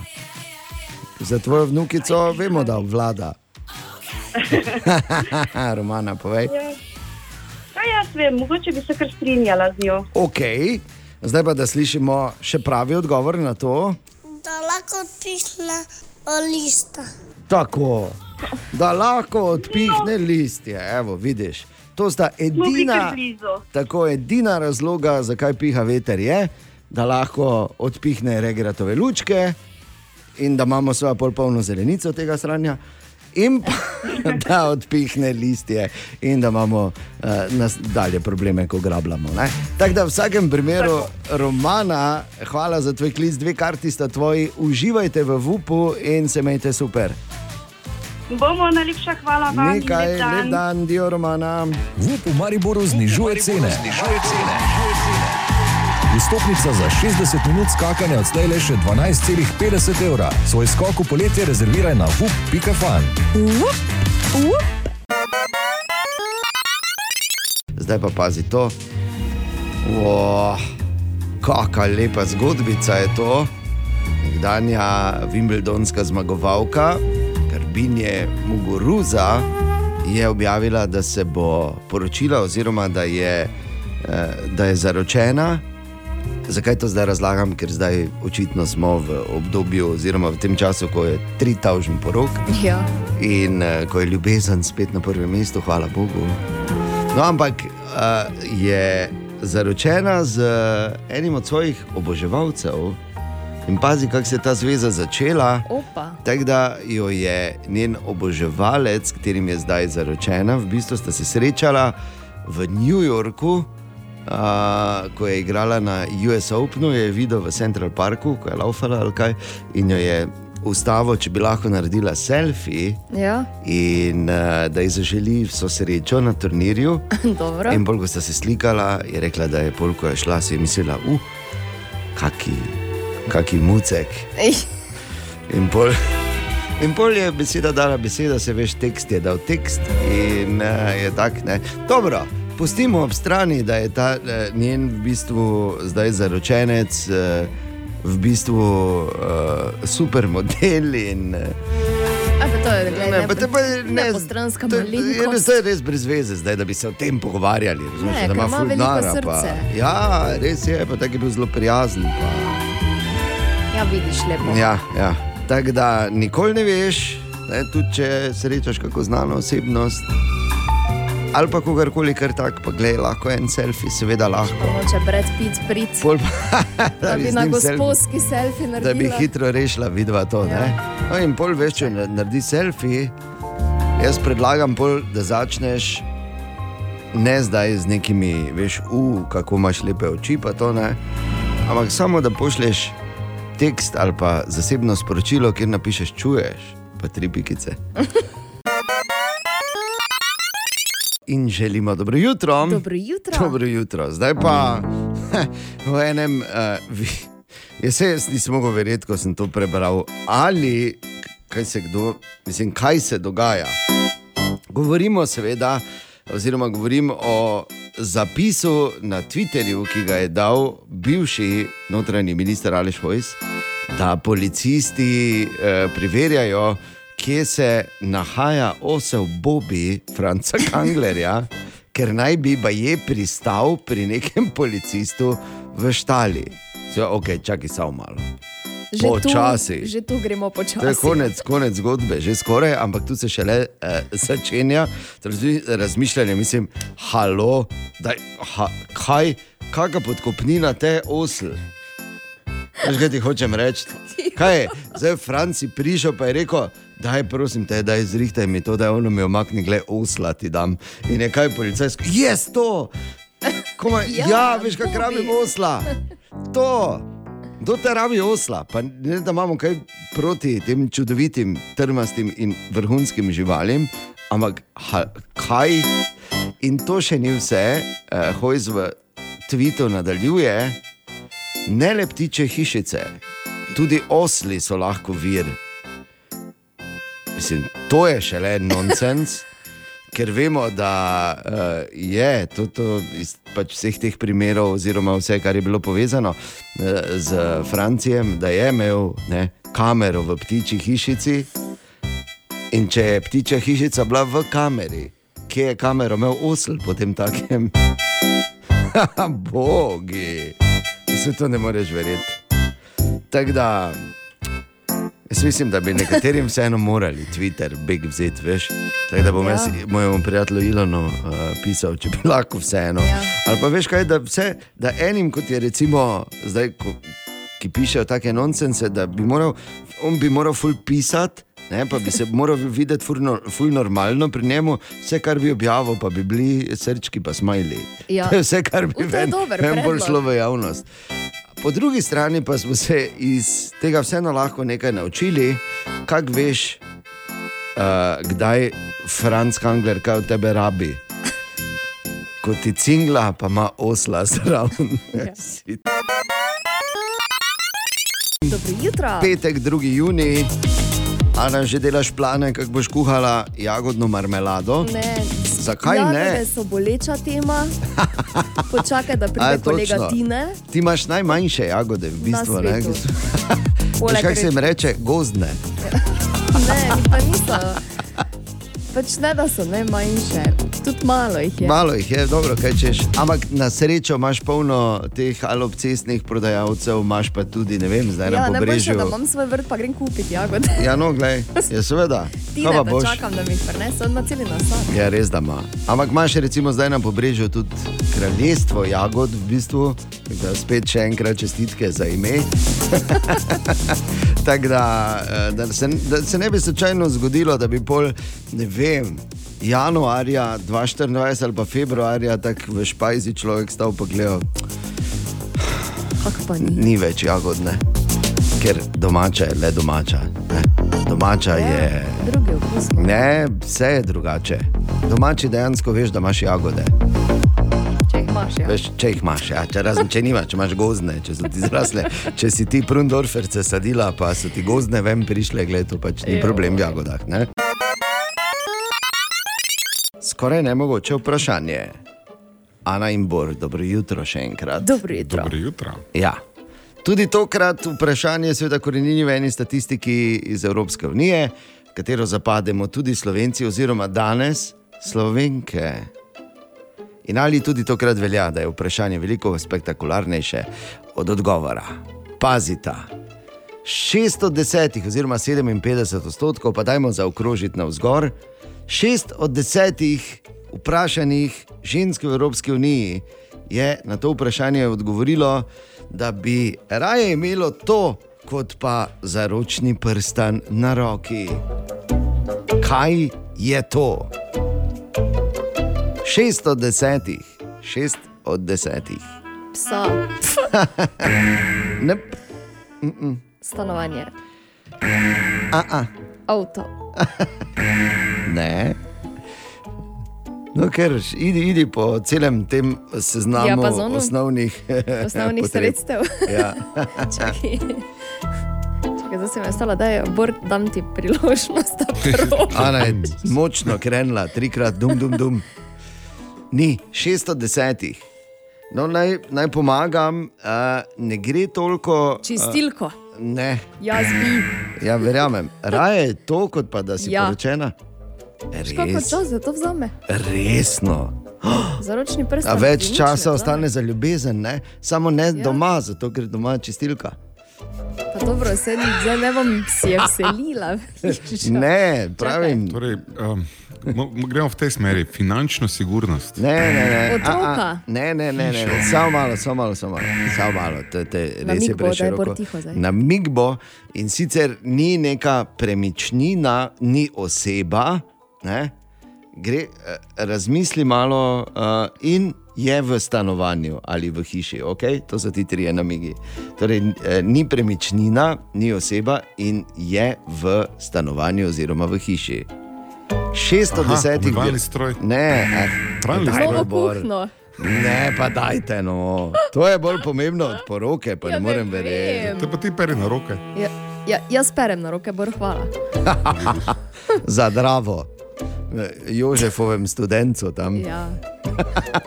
Torej, Uh, svojo televizijo. eh, ne.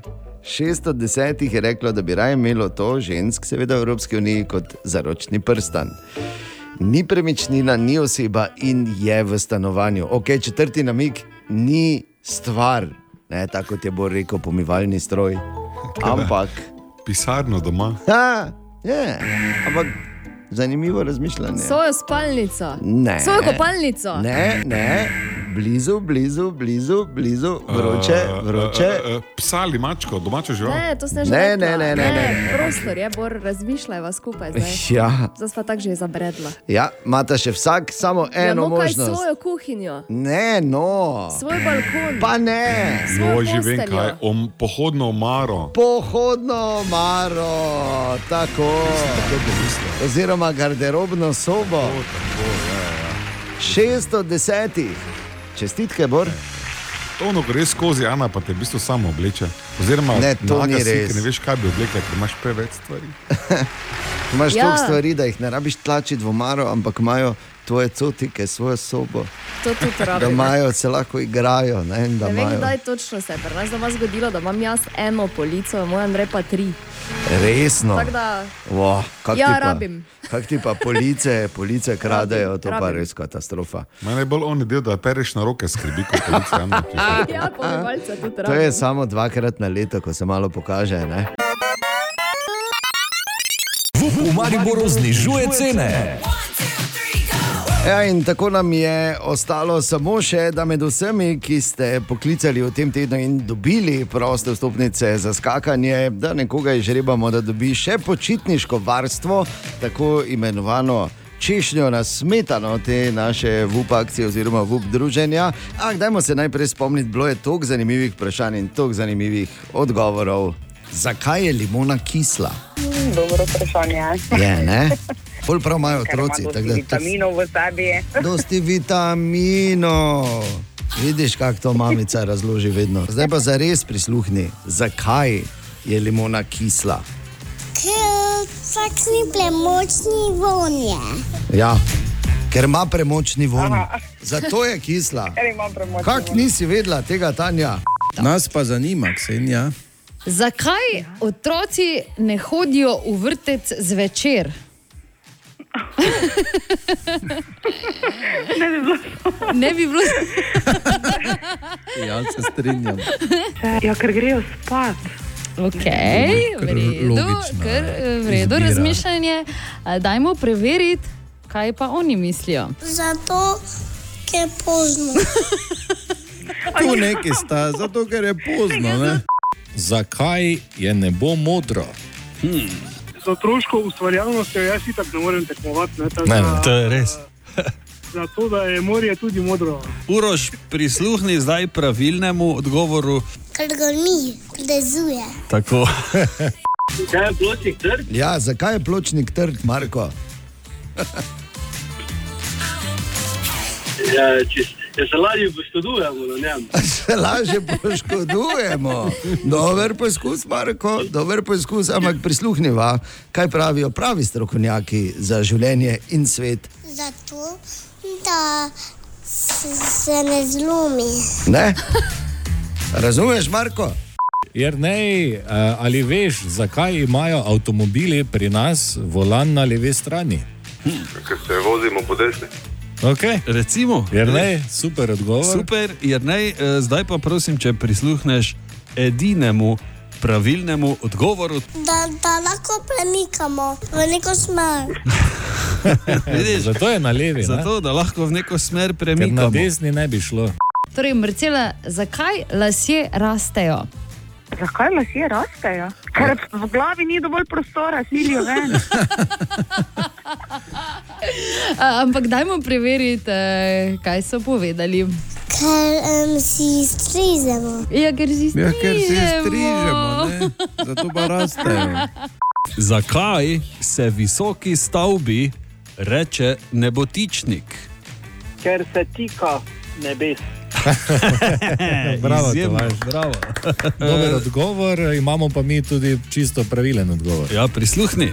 Zaradi tega, ker so velike in dosežejo skoraj do neba. A, vidiš? Tako. Bravo. Skoraj na isti valovni sta bila Tomaž. Tako.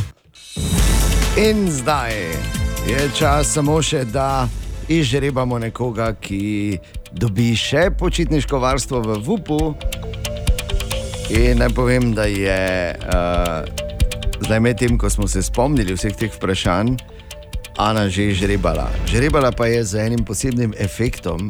Lahko ponoviš ta efekt, ki si ga naredila, prosim. Zdaj, če se bom spomnila. No, daj. Tako sem šla noč z roko. Ja, šla noč, ja. Ja, pač, In po tako? je ven prišel Uroš Pergovnik. Čestitke, Uroš. Ob kartah za skakanje, še počitniško varstvo v VUP-u.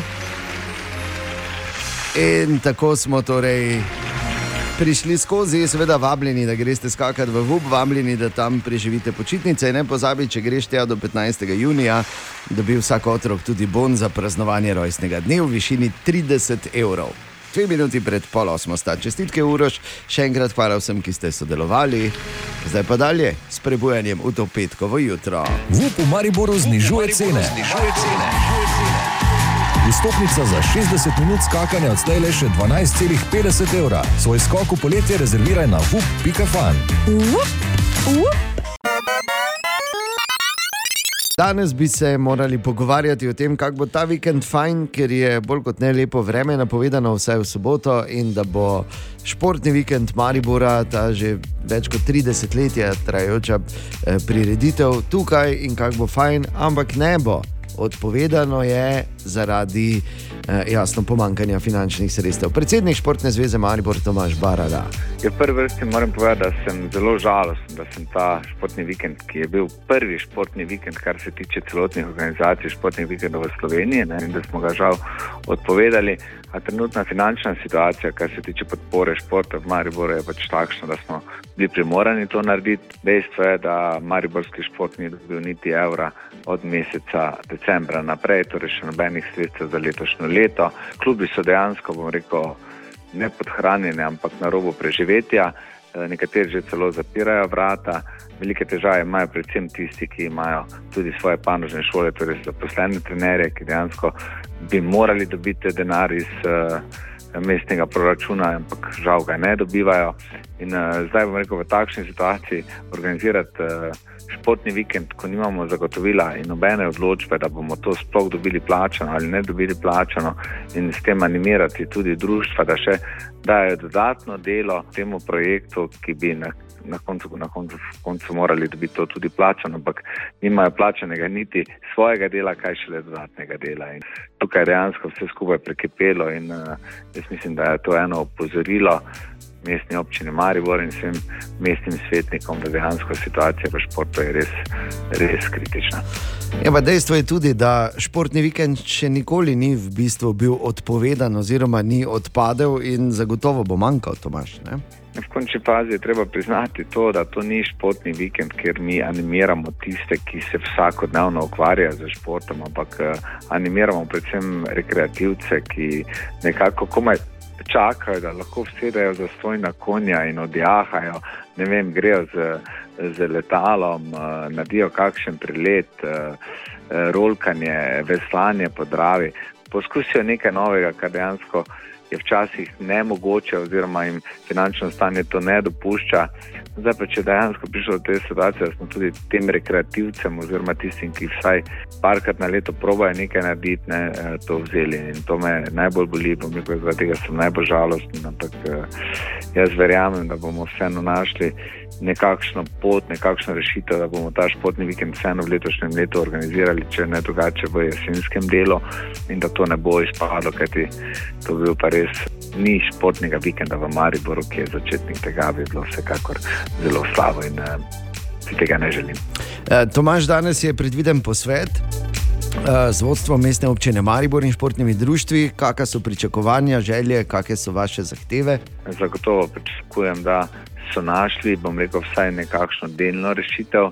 Pripričan pa sem, da ta rešitev ne bo takšna, kot si jo šport danes zasluži, oziroma šport uvršča na mesto z predznakom športno mesto. Naša želja vsekakor je takšna, da se upošteva vsaj ta del, ki nam je bil priznan na sprejemu letnega programa športa, toliko denarja, kot je bilo temu namenjenega, to, kar so mestni svetniki prejeli, da ta denar šport dobi, ker ta denar je že, bom rekel, denar, ki komaj nekako nas drži na enem nivoju športa, ki je lahko konkurenčen eh, ostalim športom v, v državi. In kolikor ga bomo pa nižali, pa bomo zgolj, bom rekel, ne vem, šli na en rekreativni nivo, ki se ga Maribor vsekako ne zasluži. In če pogledamo proračun naše mestne občine, v tem trenutku, kar se športa tiče, je primerljiv že kakšni občini kot je Koper ali pa komorkoli drugo podobno, ne pa, ne pa mesto, ki je drugo največje mesto v Sloveniji.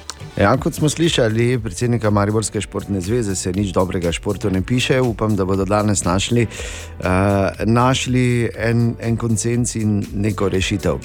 Šport ima torej težavo, kako pa je s kulturo? Ja, nič kaj veliko bolje, to pa preverimo v nadaljevanju.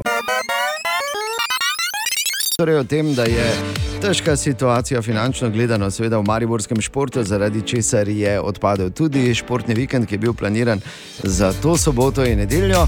No, podobno pa je tudi v kulturi. Namreč eh, tudi kulturniki so finančno v veliki meri odvisni od občine in letos so jim občinska sredstva zmanjšali za znesek zadnjega lanskega zahtevka, ki naj bi ga dobili konec decembra lani, pa jim ga je občina izplačala šele januarja in ta lanski znesek so jim ušteli v letošnjo kvoto. Tako razlaga direktorica Ludkovnega gledališča. Katarina Klančnik, kot utar. V bistvu še vedno razmišljamo, preračunavamo, kje bomo v bistvu krčili. Da ene stvari so fiksne, se ne da krčiti, pač ogromen kompleks, eh, s katerim upravljamo, terja ogromne zneske za vzdrževanje, za redno delovanje stavbe. Tako da smo tu kar v zagati, sicer neke rešitve iščemo, tudi skupaj v bistvu z županstvom. Prihodnji teden imamo direktorja javnih zavodov z področja kulture tudi sestanek pri županu. Tako da upamo, da bomo našli neke rešitve. No. Ni pa nikakor pa ni to zavidljiv položaj. Nas, v vsakem primeru nas čaka kar težko leto. No. Tako Katarina Klančnik kot Cutar, podobno pa je tudi v Narodnem domu, Gogoru Kavina. Dejansko se vidi, da je eh, mesto v težavah, kar zadeva financ. To seveda razumemo, ne pomaga pa nam dovolj, zaradi tega, ker smo praktično sredi leta in smo se zdaj soočili dejansko z enim eh, velikim umanjkanjem torej sredstev. V našem primeru je to 86 tisoč evrov, gre za sredstva, ki bi nam morala biti nakazana že lansko leto, no pa so sedaj obravnavana kot predobremenitev letošnjega proračuna, kar pomeni, da nam seveda denar še kako manjka. In, eh, Ne vem, polagamo upanje v sestanek vseh direktorjev javnih zavodov, ker še daleč ne gre samo za nas. Prihodnji teden pri županu in upamo, da se bo neka rešitev našla. Sveda razumemo, da je mesto v težki situaciji, po drugi strani pa nam to ne mogoča delo in upam, da bomo neko rešitev našli. Kolikor vidim, ne gre samo za kulturo, gre tudi za socialo, gre tudi za šport in za vse drugega. Ne bodem reči kot srčno, upam, da bomo našli neko skupno varianto, da ne bo treba povedovati programov, za katere so popolnoma jasno pogodbe že sklenjene. A, Gogo pa je luč na koncu tunela. Zelo težko rečem, torej, eh, kaj se dogaja.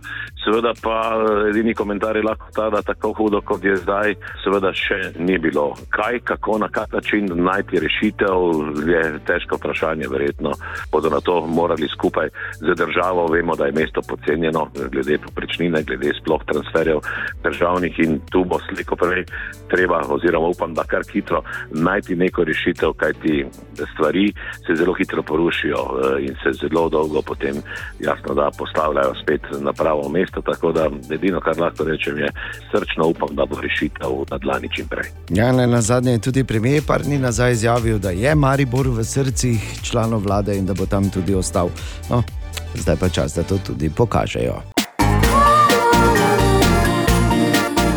Dobra, mali in stari, podcast jutranje ekipe.